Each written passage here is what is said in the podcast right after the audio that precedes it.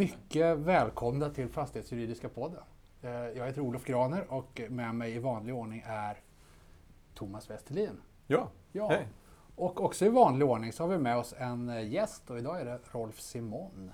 Mycket Fast det är inte i vanlig ordning för jag är här för första Ja, gången. ja, så ja. Det, det är mycket trevligt. Det var tvetyder där. Vi har haft olika gäster och poängen med podden är ju att vi bjuder in sådana som vi tror har något intressant att säga och som vi har något gemensamt med som vi kan prata om. Och utgångspunkten är fastighetsjuridik, precis som namnet antyder. Men ibland tar samtalet lite vidare svängar än så. Och, eh, så vi får se vad det tar vägen idag. Mm. Var börjar vi? Ja, men ämnet är väl idag fastighetsvärdering med att Rolf är specialist på fastighetsvärderingsfrågor. Eh, och vi har väl en tanke där om att juridik och värdering ligger väldigt tätt ihop. Att eh, juridiken handlar mycket om att bygga värden och skapa möjligheter och så vidare. Och kan använda det verktyget på rätt sätt då kan vi också få upp fastighetsvärdena. Så jag uppfattar som att det finns en dynamik där mellan juridiken och ekonomin. Absolut. Det är, ju, det är ju inte bara så att juridiken bygger värden utan juridiken skapar ju också värderingssituationer som vi måste hantera. Mm. Och, och det ligger ju mig varmt om hjärtat eftersom det är mycket det, den typen av värderingar jag jobbar med. Just det. Men det, är- det, det, är som så, det, är både, det är både och. Både skapar värden och förutsätter värden men även skapar värderingssituationer. Mm. Och som jag ser det så är det den roligaste biten utav värderingssammanhanget. I och med att jag känner mig hyfsat trygg i juridiken så just med intrångssituationerna som jag antar att du är inne på till viss del och olika exploateringsfrågor. Det är en väldigt spännande bit av värderings... eh, Nej, men det är ju helt riktigt. Det är, det, är ju, det är därför jag håller på. Det, det är ju just den här säga, samverkan mellan juridiken och ekonomin som jag tycker är intressant. Mm. Och, och man måste kunna lite om båda delarna. Mm. Det, det är väldigt viktigt. Och man träffar då också folk från specialister inom, inom bägge delar, både inom ekonomi och inom, inom juridiken, Mm. som Mm. gör det väldigt viktigt.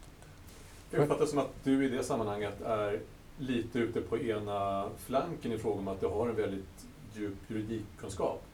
Och att det kanske inte är så att alla som jobbar med värdering har samma intresse för juridik eh, som du har. Kanske inte har samma typ av uppdrag heller. Absolut. Det, det, det, jag är ju lite udda så som fastighetsvärderare. Eh, De flesta, eh, jag ska inte säga att jag kan så mycket mindre än juridik, men de jobbar i varje fall inte lika mycket med det som, som Mm. jag. Jag stöter inte på det lika ofta. Eh, m- Men eh, eh, därmed inte sagt att de inte behöver kunna det. För det, det tror jag är, är, viktigt. En, fastighetsvärderare måste faktiskt ha en ganska bred kunskapsbas. Man stöter på, det är både teknik, ekonomi, juridik och, och saker däremellan Mm. som gör att man, man, eh, man lär sig också hela tiden när man är fastighetsvärderare. Och det är därför man, tycker jag, då, ska i första hand använda erfarna fastighetsvärderare. Mm. Mm. Eh, Eller i varje fall sådana som kan ta stöd av erfarna fastighetsvärderare. Får jag peta in en Absolut. ordningsfråga bara?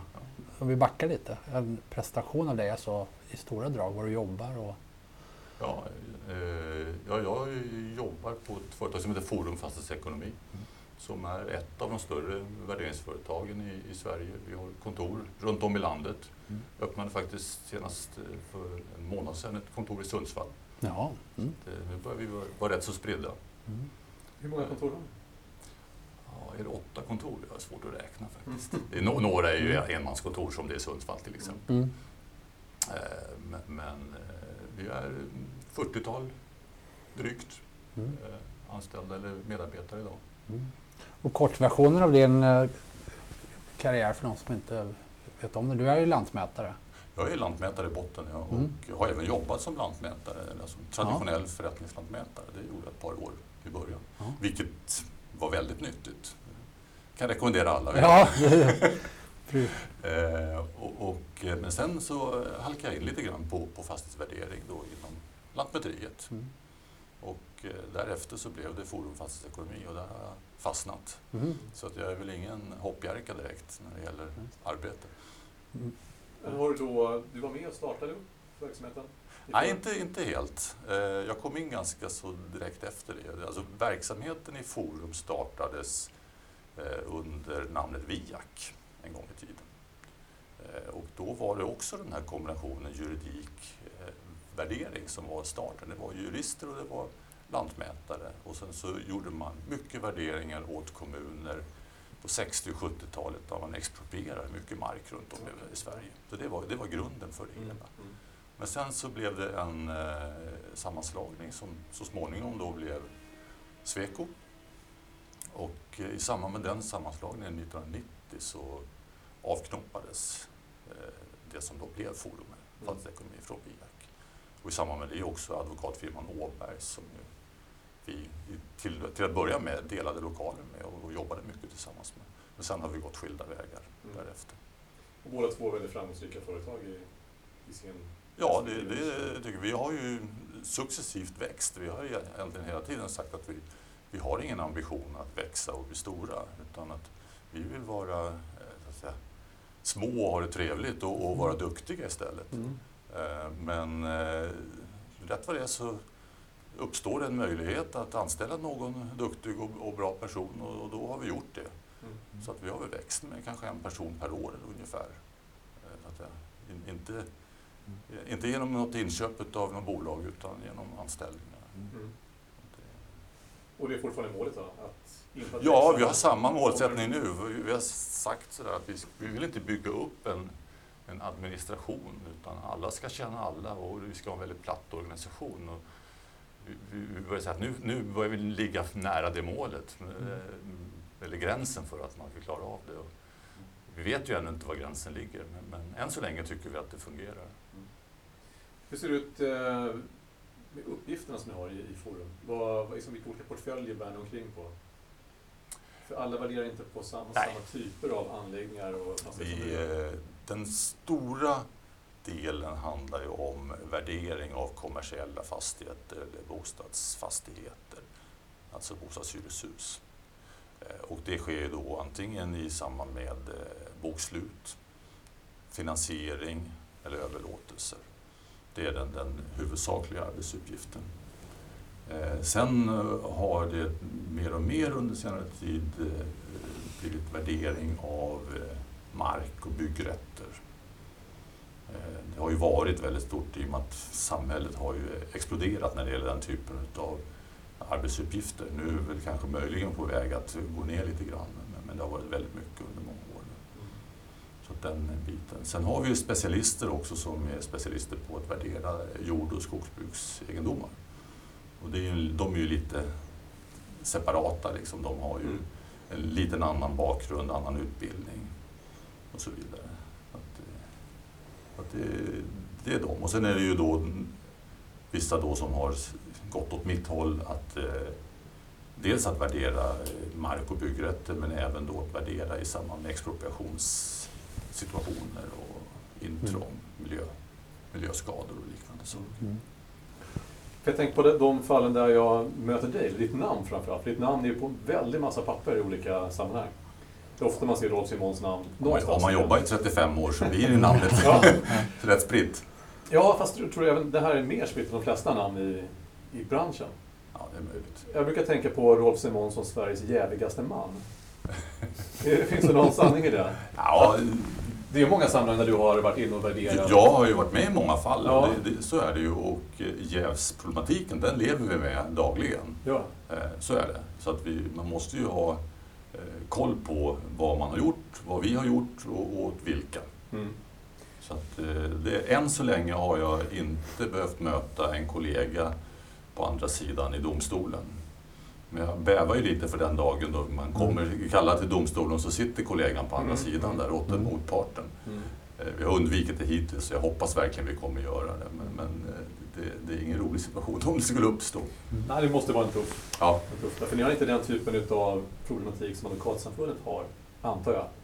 Att eh, advokaterna har ju en, en väldigt tydlig jävs... Nej, fast vi, vi jobbar efter samma principer kan man säga.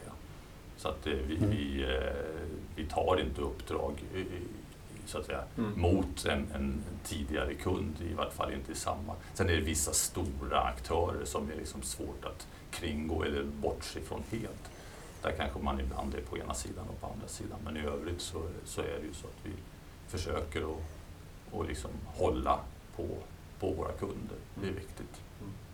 Det låter som ni är även samma sak som på vår sida av bordet här. Jag Mm. för att det, Vi jobbar ju inte heller med, med de eh, legala ramarna men ändå så blir det ju att i praktiken Ja. så måste vi vara där för att kunna hantera vårt arbete och bära förtroendet som det innebär. Det är ju också så att eh, samhällsbyggarna, eller den, delen då som Mm. har med värdering, har ju etiska regler och de säger ju att vi får inte värdera samma fastighet åt två olika parter.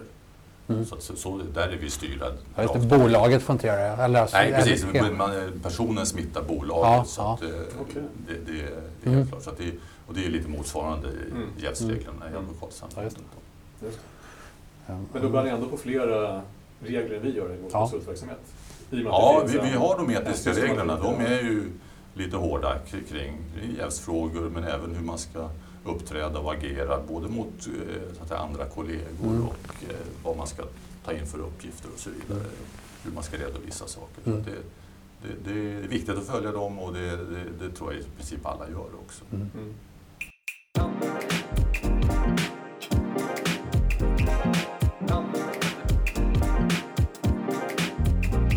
de uppgifter vi får i våra uppdrag, de, de är ju naturligtvis alltid sekretessbelagda Mm. och vi sprider ju inte dem. Nej. Men vi använder ju de uppgifterna som en kunskapsbas i våra andra uppgifter. Det, Ja. det är ju ett nödvändigt ont så att säga, men man får ju se till att inte sprida sekretessbelagda uppgifter. Det är ju väldigt viktigt. Ja, såklart. I princip så, så har, vi, vi inte, har vi inte rätt att överhuvudtaget sprida till någon utomstående att vi har värderat en fastighet. Nej. För det är kanske inte uppdragsgivaren vill att det Ja, ska just det. Framkomma. Mm. Jag tänker den här kunskapen ni får när ni, gör värderingar. Det måste vara ovärderligt att ha en viss volym på värderingarna, en viss mängd värderingar Ja. i ett visst område och en viss tid.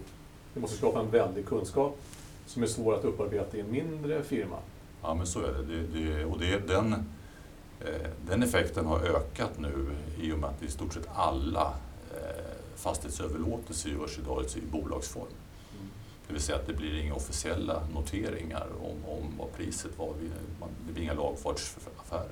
Just Och det är ett, eh, tycker jag är faktiskt ett, egentligen ett problem lite grann för branschen generellt. För att det innebär att vi har ju ofta insyn i, i många affärer och känner till de nivåerna. Vi kan inte redovisa dem öppet men vi, känner, vi kan använda dem. Mm. Men, men, men det är svårt att argumentera för de bedömningar vi gör eftersom vi inte kan Ja, åberopa de här sakerna. Och inte, inte minst i domstolssammanhang är det Mm. väldigt svårt. Så det objektiva kan uppfattas som subjektivt? Ja. För att inte kan ange källan? Precis. Mm. Det, vi, kan inte, vi kan ange att vi vet om det här men vi kan inte säga Mm. vilka nivåer det är. Och det är ju naturligtvis en, det blir en liten konkurrensfördel för oss som är stora Mm. Och har den här basen. Mm. Eh, men- Men jag tycker ändå inte att det är speciellt bra för, för öppenheten. Man har ju ofta prisat den svenska fastighetsmarknaden som, som väldigt genomskinlig och, och, och, och Mm. bra. Men, men den håller på att förändras en hel del. Och det, det krånglar till det lite grann och det innebär att man eh, ofta då kanske får värdera på ett lite annorlunda sätt. Man, man, till exempel värdering av eh, råmark och, och byggrätter så gör man kanske mer sådär kalkyler istället för att jämföra med försäljningen av liknande saker. Och, och, eh, sådana kalkyler kommer ju eh, att... Eh, ja, de, de, av sig själv så är det så att de kan skruvas på och man kan komma till väldigt olika resultat. Så att det, det ger en skenbar exakthet när man gör de här kalkylerna och det är lite fara med det. Mm. Så bristen på objektiva fakta skapar osäkerhet egentligen i fråga Ja, men det, det, det blir så. Det blir en osäkerhet och det blir också olika uppfattningar. Det, det, det, är lätt att ha olika uppfattningar. Värdering är ju, det finns ju ingen sanning i värderingar. Det, är ju en grundläggande sak man måste lära sig. Ja. Man kan göra en bedömning. En vär- värdering är en bedömning, Mm. ingenting annat. Och, i, i den delen innebär att frågar man tio värderare så får man sannolikt tio olika svar. Och, och, och frågar man dessutom tio ytterligare personer som inte värderar utan lite utanför branschen så får man tio ytterligare svar som kanske är ännu mer spridda än vad Mm. värderarnas förhoppningsvis är i vart fall. Så på normal, normal fördelningskurva på värderarnas... Ja, förhoppningsvis är det ju Ja. det men, men, men det, det, det kan skilja väldigt mycket och det vet jag ju att domstolar också har reagerat på hur värderare kan komma till så vitt skilda nivåer mm. i sina bedömningar.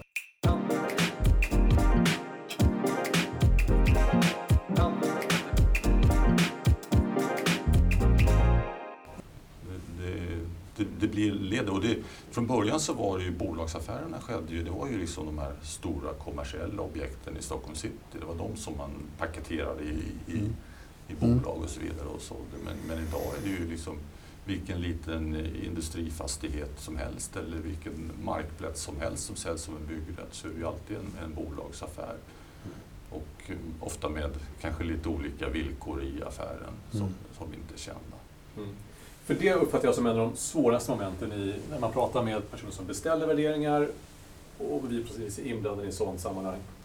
Att vad man har för ramar för värderingen, alltså förutsättningarna i affären, har ju sånt genomslag på värdet också. Ja. Och finns det begränsningar med det här fastighetsköpet, det får man få bebyggt eller inte. Ehm, jag tycker det är pedagogiskt svårt att ha med sig hela den här ramen genom hela processen. Så alla pratar ändå om samma sak och prissätter samma sak.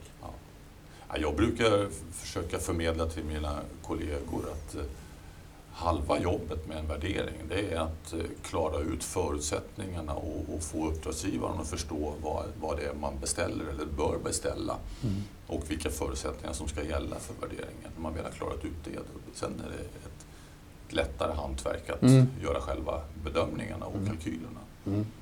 Mm. Men- Men den första biten den kan vara lite snårig emellanåt och det, den är viktig. Och det är ofta det som leder till att man kommer väldigt olika. Det var alldeles nyss tror jag en liten blänkare i, fastighetsnyheterna här om att tre värderingsföretag hade värderat en, en fastighet i Botkyrka till tre olika nivåer. 60, 100 och respektive 202 miljoner kronor tror jag. Något sånt där.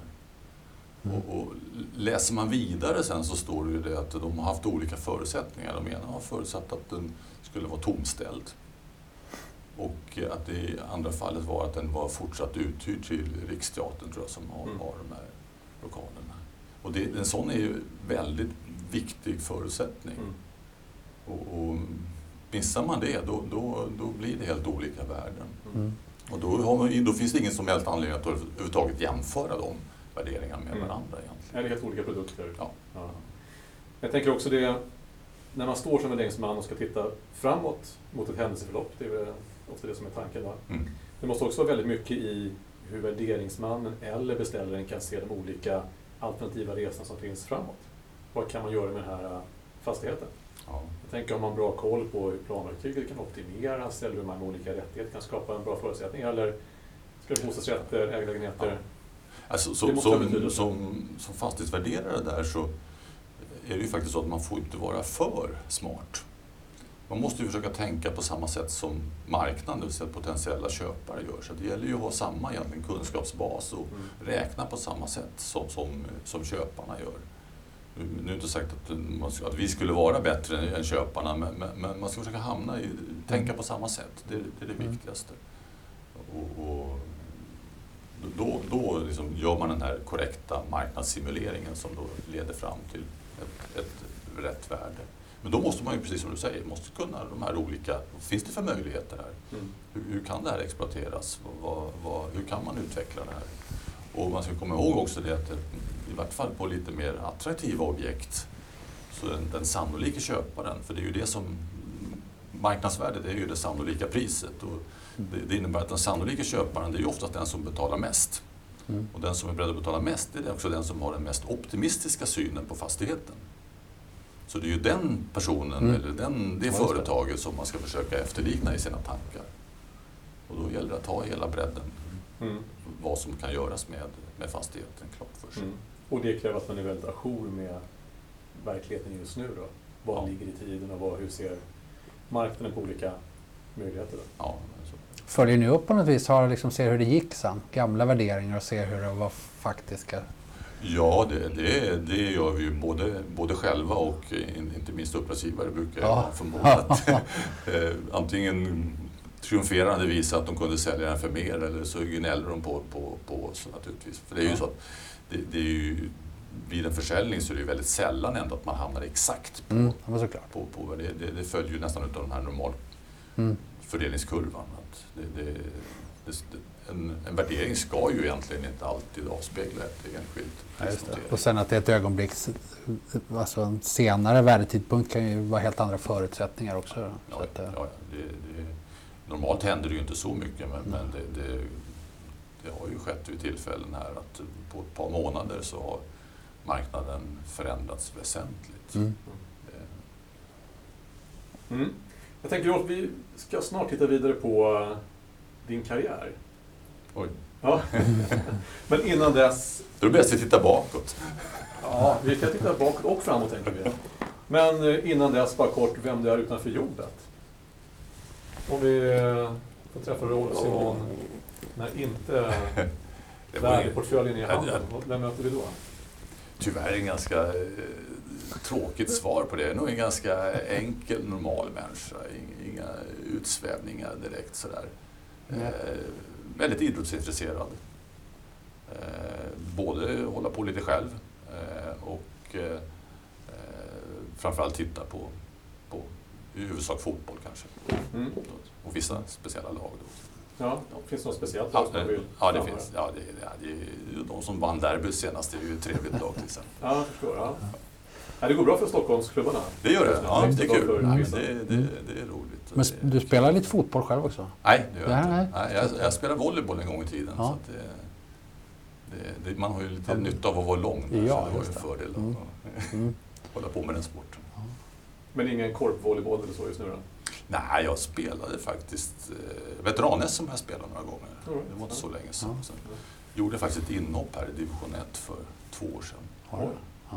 Ja. I veteran? Nej, Oj. ja. Men jag har förstått som att svensk volleyboll håller... Nej, är tyvärr inte Nej. riktigt Det är den klassen. okej, nej, nej. nej. Det, säger Det var tidigt 90-tal någon gång när det var någon slags Ja, peak. Med, Då, då var det en peak. Ja. Men, men det är fortfarande är elitserien väldigt bra klass i. Men, Mm. men serierna neråt eh, Mm. eh, visar väl mitt inhopp att kanske inte är den bästa kvaliteten. Jag ser du en likhet mellan volleyboll och värdering? Ja, nej det finns egentligen inte några likheter. Mer än att man... Värdering är ju en konsultsysselsättning. Och att jobba som konsult så finns det en klar fördel att vara lite tävlingsinriktad. Så att det, och det har jag alltid varit Mm. och, och, och det har hjälpt mig under mycket. Det är liksom det här med att försöka göra sitt bästa och, och, och nå uppsatta mål och så vidare. Mm. Det, det, det är en fördel. Och det, det, det brukar vi faktiskt vara lite noga med när vi anställer folk också. Att vi ser gärna att det är folk som har, en, jobbat lite, har lite idrottsbakgrund och så vidare. Det, det brukar vara en fördel. Mm. Att det, det, är väl, det är väl Mm. den kopplingen man kan göra. Ja. Ja, jag förstår. Såg du någon annan koppling? Du brukar ju se volleyboll. Ja, nej, jag tänkte det var omöjligt nästan hitta en, Ja, jag kom inte på det heller. Nej, men det är svårt. en eh, Nej. tydlig bild emellan. Mm. Eh, jag tänkte på det här med idrotten, att det måste ju finnas en... Alltid en styrka. Vi söker rätt mycket här i firman kan jag säga. Alltid värdesatt. Eh, folk som är vana med hästar eller sport och så vidare. Alltså, Mm. Mm. hästar känns... Ja, men, Fel benämning på det, men Ja. de här eh, som är vana med stalljobb sedan unga år. ja, ja, Man är det, rätt van att åka i och att det- man ser sitt ansvar i olika sammanhang, vilket vi alla har ju såklart. Mm. Mm. Eh, Ja, det är, min dotter håller på med mycket med hästar och det har utvecklat henne väldigt bra. Så det, Mm. det, det är helt riktigt. Men volleyboll funkar också? Ja, det jag tycker ju alltid om lagsporter dessutom. Att, eh, man får försöka utvecklas individuellt men man kommer ingen vart om inte man jobbar som ett lag. Mm. Och det är ju det är också någonting som man naturligtvis kan applicera på yrkeslivet väldigt mycket. Men, men eh, det, det, jag, tycker det, jag, jag tycker det är kul att hålla på med lagsport och jag rekommenderar nästan alla yngre att testa på det också. För jag tror att det, det utvecklar en som människa. Mm. Någon lägger upp bollen, någon smashar. Ja, men det, precis, det funkar inte annars. Nej. Men jag tänker, den här volleybollspelande, lite yngre Rolf. Ja. Hur kom eh, den lite yngre Rolf in på värderingsbanan från början? Ja, det, det var väldigt slumpmässigt. Det, det, det var, jag var ju lantmätare från början och jobbade som det. Och eh, så var det en, en eh, mätningsingenjör uppe i Norrtälje där jag jobbade som sysslade lite grann med, med värdering. Eh, Lantmäteriet var lite friare då. Man, man sysslade gärna med lite konsultverksamhet vid sidan om. Bara det drog in pengar till, till, till Lantmäteriet så var det okej i stort sett. Eh, Så att eh, han höll på med det och, och, och frågade om jag var intresserad och det tyckte jag lät kul så att jag hakade på det lite grann. Och, och sen utvecklades det mer och mer så att det, den vägen. Vad var det som fångade där? Vad var det som fick att dra iväg i värderingsspåret? Ja, det var väl lite grann det här med att eh, kombinationen ekonomi, juridik, lite grann. Att vad, vad, vad är det som bygger upp värdena och hur, hur kan man bedöma dem? Och sen eh, är det också trevligt med värderingar att man, man, man gör ett uppdrag som de är relativt korta. Man blir färdig med saker och ting. Det är inga långbänkar. Och det är rätt så trevligt arbete tycker jag. Att man, man, man har ett antal Mm. uppdrag och man, man betar av dem. Och man känner sig duktig när man har Mm. levererat någonting. Mm. Mm. Det är skönt att slutföra. Ja, det, det är alltid Mm. skönt att slutföra. Jag tror inte jag skulle kunna klara av att vara en, en projektmänniska. Jag är djupt imponerad av de som klarar av att driva projekt i flera år faktiskt. Ja, jag, jag förstår. Det, det, det, det, det är någonting som jag inte skulle klara av, men med de som gör det och gör det duktigt, det, Mm. det, Mm. de, de är duktiga. Mm. Mm. Ja, det är imponerande. Mm. Eh, och just våra typer av projekt kan ju ta så jävla många år också. Infrastrukturprojekt Ja. kan vara något. Ja, ja men tunnelbaneutbyggnad eller vad som helst, vilken elledning som helst ska byggas. Det bara pågår liksom. Mm. Ja, men det är ju, de delar jag kommer in Ja. de är alltid små och kort, relativt Ja. korta. Mm. Eh, Men, men den som driver hela projektet Mm. det är- måste vara väldigt långsiktig Mm. och ha en bra blick för alla detaljer också. Mm. Det, är- ja, det är duktigt.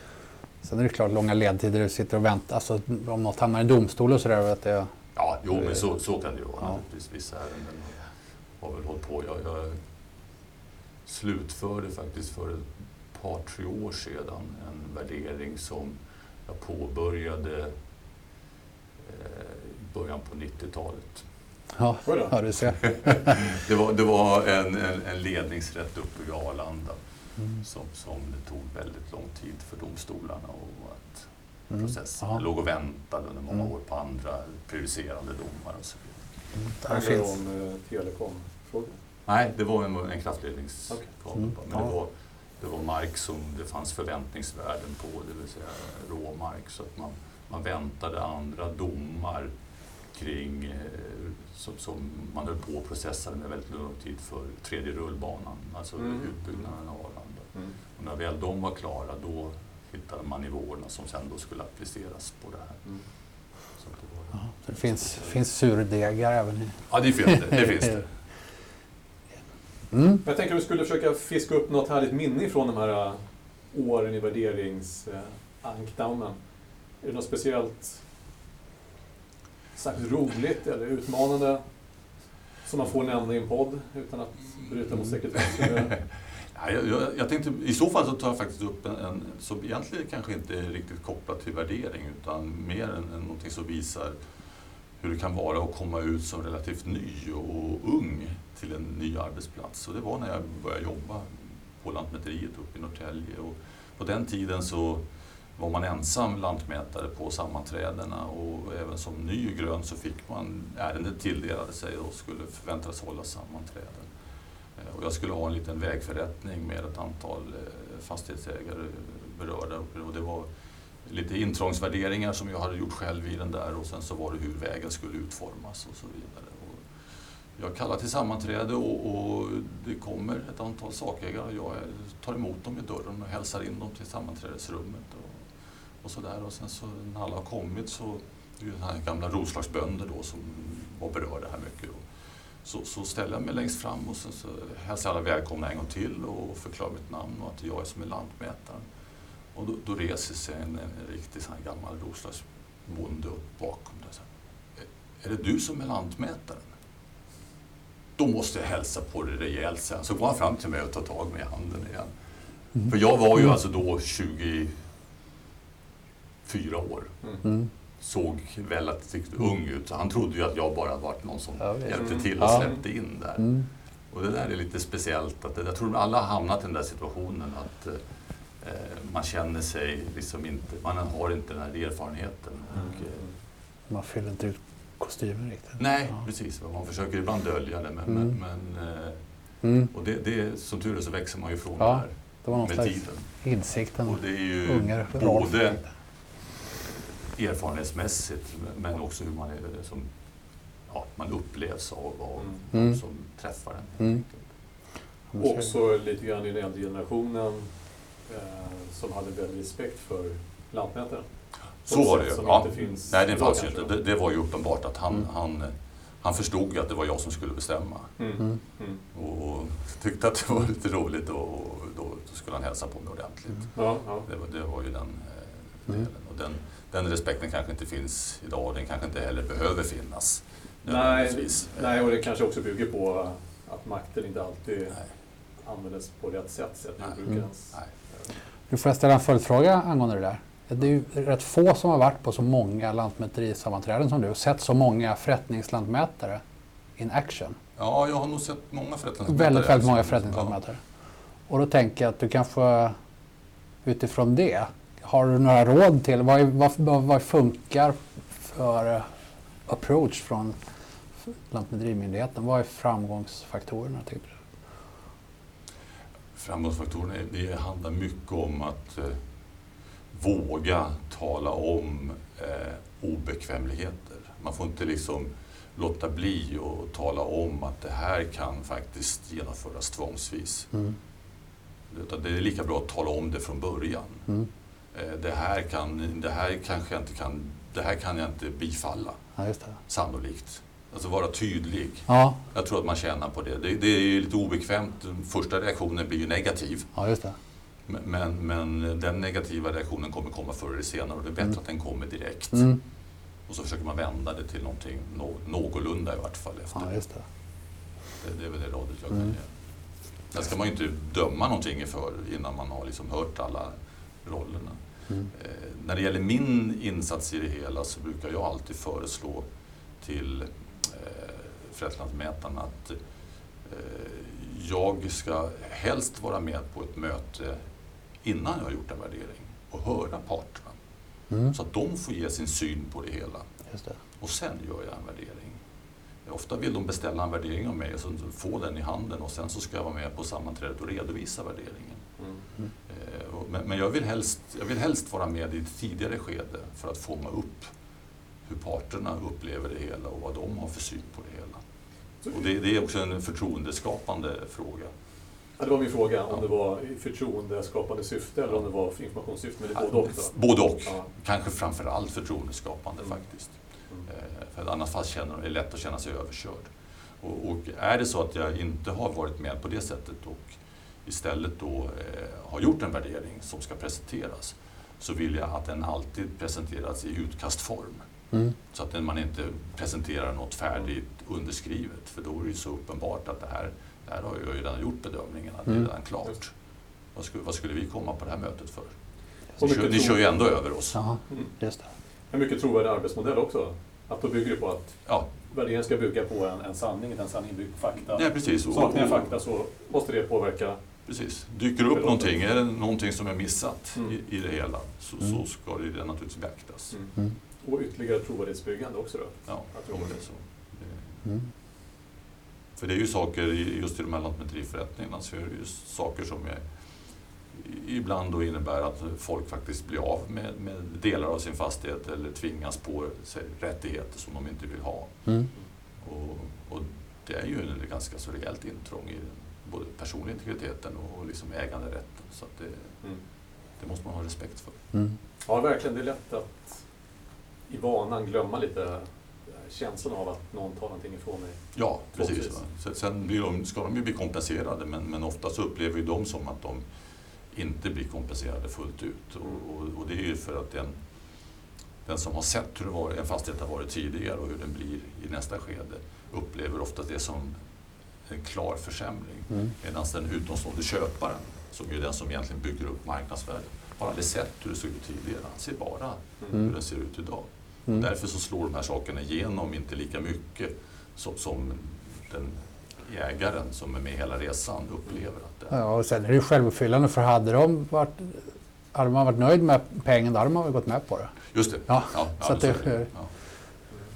Också intressant hur vi på något vis värdesätter det vi har mer än det vi.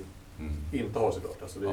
Mm. Men där är ju ändå en Alltså, positiv, tycker jag, väldigt utveckling, den här förändringen i expropriationslagen med ett 25 Mm. påslag. Mm. Den, den har ju ändå underlättat eh, en hel del och folk känner att i vart fall man får lite bättre kompensation för Mm. det hela. Eh, är det däremot små belopp då brukar ju inte folk tycka att de där 25 procenten är värda någonting. Men, men är det lite större siffror så, så är det ju ändå något, lite plåster på såren som de tycker. Mm. Och ser man på det rent ekonomiskt då så är det en okej okay peng? Ofta är ju eh, kostnaden för markanskaffning eller rättighetsanskaffning i de här projekten är ju bara en liten, liten bråkdel av, av det hela. Så det, det, det, är inte så att projekten går under för det här. Mm. Nej. Ja. Jag tänker att det, det kommer ju hända någonting i höst. Ja. Och det är en värderingsdag. Och tanken med det är ju att det finns väldigt mycket att prata om i fråga om värdering. Det finns väldigt mycket att prata om i fråga om värdeskapande faktorer, till exempel juridiken.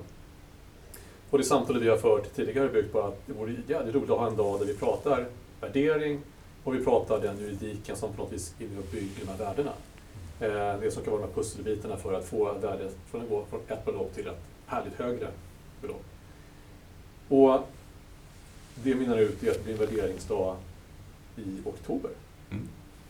Vill du berätta lite om hur ni tänker? För det är Forum fastighetsbildning, förlåt, Forum. Forum fastighetsekonomi, ja. Fastighetsekonomi, som eh, är värd för dagen tillsammans med Westerins och ja. Company. Så det är ett eh, gemensamt engagemang. Du, vi, vi, vi hoppas ju på att kunna ge en, en, bild av lite aktuella frågeställningar in, inom fastighetsvärdering och kopplat då till juridiska frågor. Eh, och, och eh, tänker ta upp det som är aktuellt i, i det här. Dels lite grann på rättsfallssidan. Vad, vad, vad har det skett för, för rättsfall? Vad är det som är av intresse? Och vad kan man förvänta sig? Inte bara vad som har skett utan också vad, vad är det som är på gång Eh, i, i prövningar här. Vad, vad, är det någonting som kommer påverka värdering och ersättningsreglerna? Mm. Eh, till exempel kommer vi prata lite grann om, om, om tomträtter. Det brukar ju ibland, en del tycker det är uttjatat, andra är jätteintresserade av det.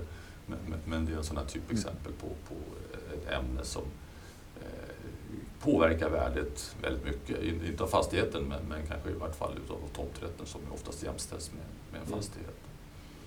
Och så råmark. Ja, där. Och, och det var ju det som jag pratade om tidigare kopplat till det att det är ju eh, en, kanske det mest svårvärderade som vi har, att värdera råmark. Och, och eh, där gör man ofta kalkyler som kan leda till väsentligt olika värden. Och det där är viktigt som läsare också att förstå värderingarna och läsa värderingarna på rätt sätt. Så att man, man följer hur inte bara läsa beloppet på sista raden utan även läsa hur är det här värderingen uppbyggt. Det vill säga vad finns det för osäkerheter i den här värderingen. Jag får känslan av att i vart fall med Stockholmsmarknaden just nu så där måste det ske ganska stora kast om vi tittar över en tvåårsperiod. Ja. Och det måste vara rätt svårt att hinna med i den här kasten för det måste vara en pågående rörelse som är svår att alltid tajma in värdetidpunkten i då? Var, var nivån ligger just då? Råmarken är kanske inte lika eh, volatil på det sättet för det är ju mark som oftast man räknar med kommer att exploateras kanske 5-10 år framåt i tiden. Utan med, med råmark så är det ju enligt min definition, eller vår definition, så är det ju mark som saknar detaljplan. Där det finns förväntningar om ändrad användning. Det som är mer volatilt, definitivt, det är ju färdig planlagd mark med eh, klara byggrätter. Och det har vi ju sett tydligt nu hur, hur framförallt på bostadssidan eh, höga prisnivåer, höga värdenivåer för byggrätter sjönk kraftigt. I vissa fall halverades. Mm. Innebär det att det finns miljöer eller ställen i, i Stockholmstrakterna som är mer svårvärderade än andra? Jag tänker på de där det har skett en väldigt kraftig expansion. Det kanske ja, det, det börjar uppfyllas någon mättnadsläge. Mm. Det marknaden minskade ju kraftigt, det vill säga att antalet potentiella köpare till byggrätter minskade. Ju. En del bolag fick ekonomiska problem. Eh, en del var helt plötsligt inte alls intresserade, andra satt med lite för stora markreserver som man var inte intresserad av att köpa på sig mer. Och då är det ju vissa områden då där det finns ett stort utbud av byggrätter eh, som, som har fått ta mer stryk än, än andra naturligtvis. Det är mm. svårare, det är lättare att och tänka sig att man, man klarar av att exploatera och sälja ett litet insticksprojekt i en befintlig eh, utbyggd miljö än, än eh, ett, eh, ett till projekt i ett stort stadsbyggnadsområde. Så är det helt klart. Så där har ju påverkan har varit eh, väldigt skild på Mm. olika områden. Kan man på något vis se någon strukturtänk också i frågan om vilka som är köpare när marknaden börjar fladdra där? Och 2017 var på något vis året där rätt mycket förändrades. Mm. Var det de stora aktörerna som klev fram och gjorde bra affärer när det började gå ner eller har vi... Ja, alltså, tyvärr var det ju så att det, antalet affärer minskade radikalt. Eh, och, och eh, de som köpte var ju de som hade lite eget kapital och, och passade på. Man, man köpte utav andra aktörer som var tvungna att sälja. Eh, så så är det ju. Det är ju vissa som har tagit först. Men, men, men totalt sett så minskade antalet affärer kraftigt. Eh, fortfarande finns, och, fanns då och finns nu idag ett intresse av att skriva avtal om framtida köp, det vill säga så kallade markanvisningar. Där, där ser man fortfarande ett, ett starkt intresse. Men att gå in och köpa idag, det, det är klart mindre intressant. Så där har vi också ett problem att eh, de, de noteringar som anges i de här markanvisningsavtalen, att översätta dem till vad skulle marknaden vara beredd att betala om man måste slänga upp pengarna idag. Mm. Tidigare skilde inte det någonting i princip, men, men det gör det idag. Mm.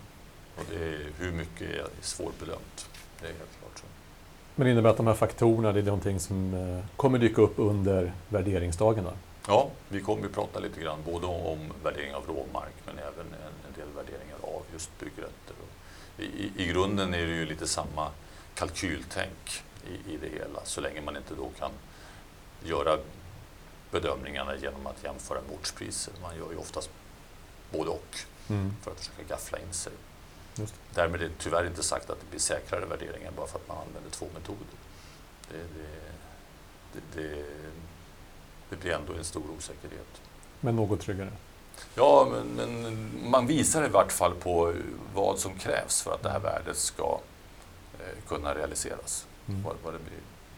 Så att det är ett sätt att kalkylerna visar att eh, för att få ut de här värdena måste vi kanske kunna räkna med att sälja lägenheterna för de här priserna.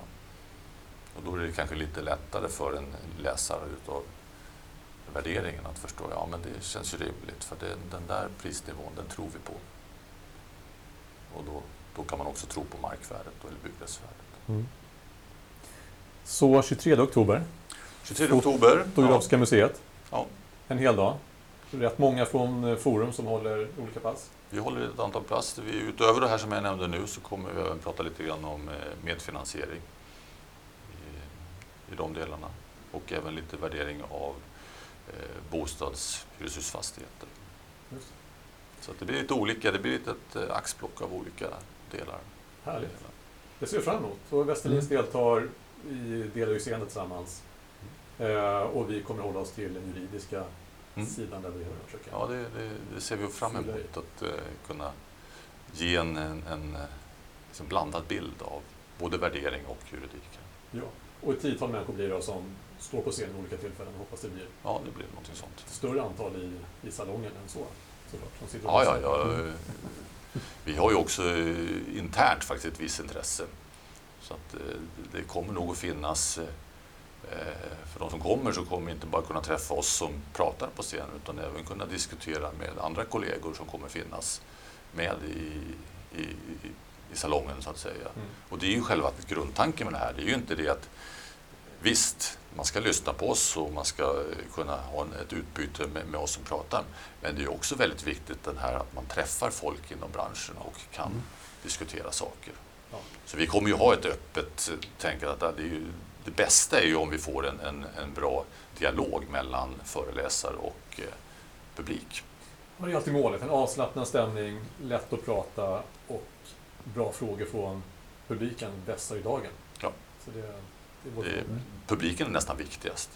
Ja, det, det är skillnad mellan en, en bra kurs och en okej kurs. Ja. Verkligen. Nej, men det ser verkligen, verkligen fram emot. 23 oktober, Fotografiska museet, värderingsdagen och den räknas som fortbildning för samhällsbyggarnas auktoriserade värderingsmän. Det gör den. Och dessutom för Advokatsamfundet. Ja, jag tänkte just fråga. Bra. Ni andra behöver inte fortbilda er, eller? Nej, vi, vi är färdiga.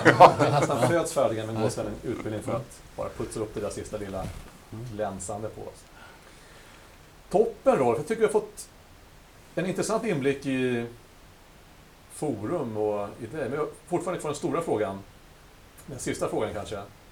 Varför har du ett efternamn som förnamn?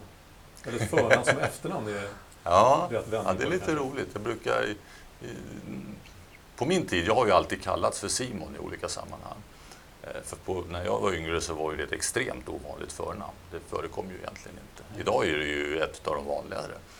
Så att idag träffar jag ju ganska många som, som heter Simon i, förnamn. Jag har ännu inte träffat någon som heter Simon Rolf. Just det. Vilket ju skulle vara fullt möjligt Ja, eftersom Rolf är ett ja. efternamn också. Visst.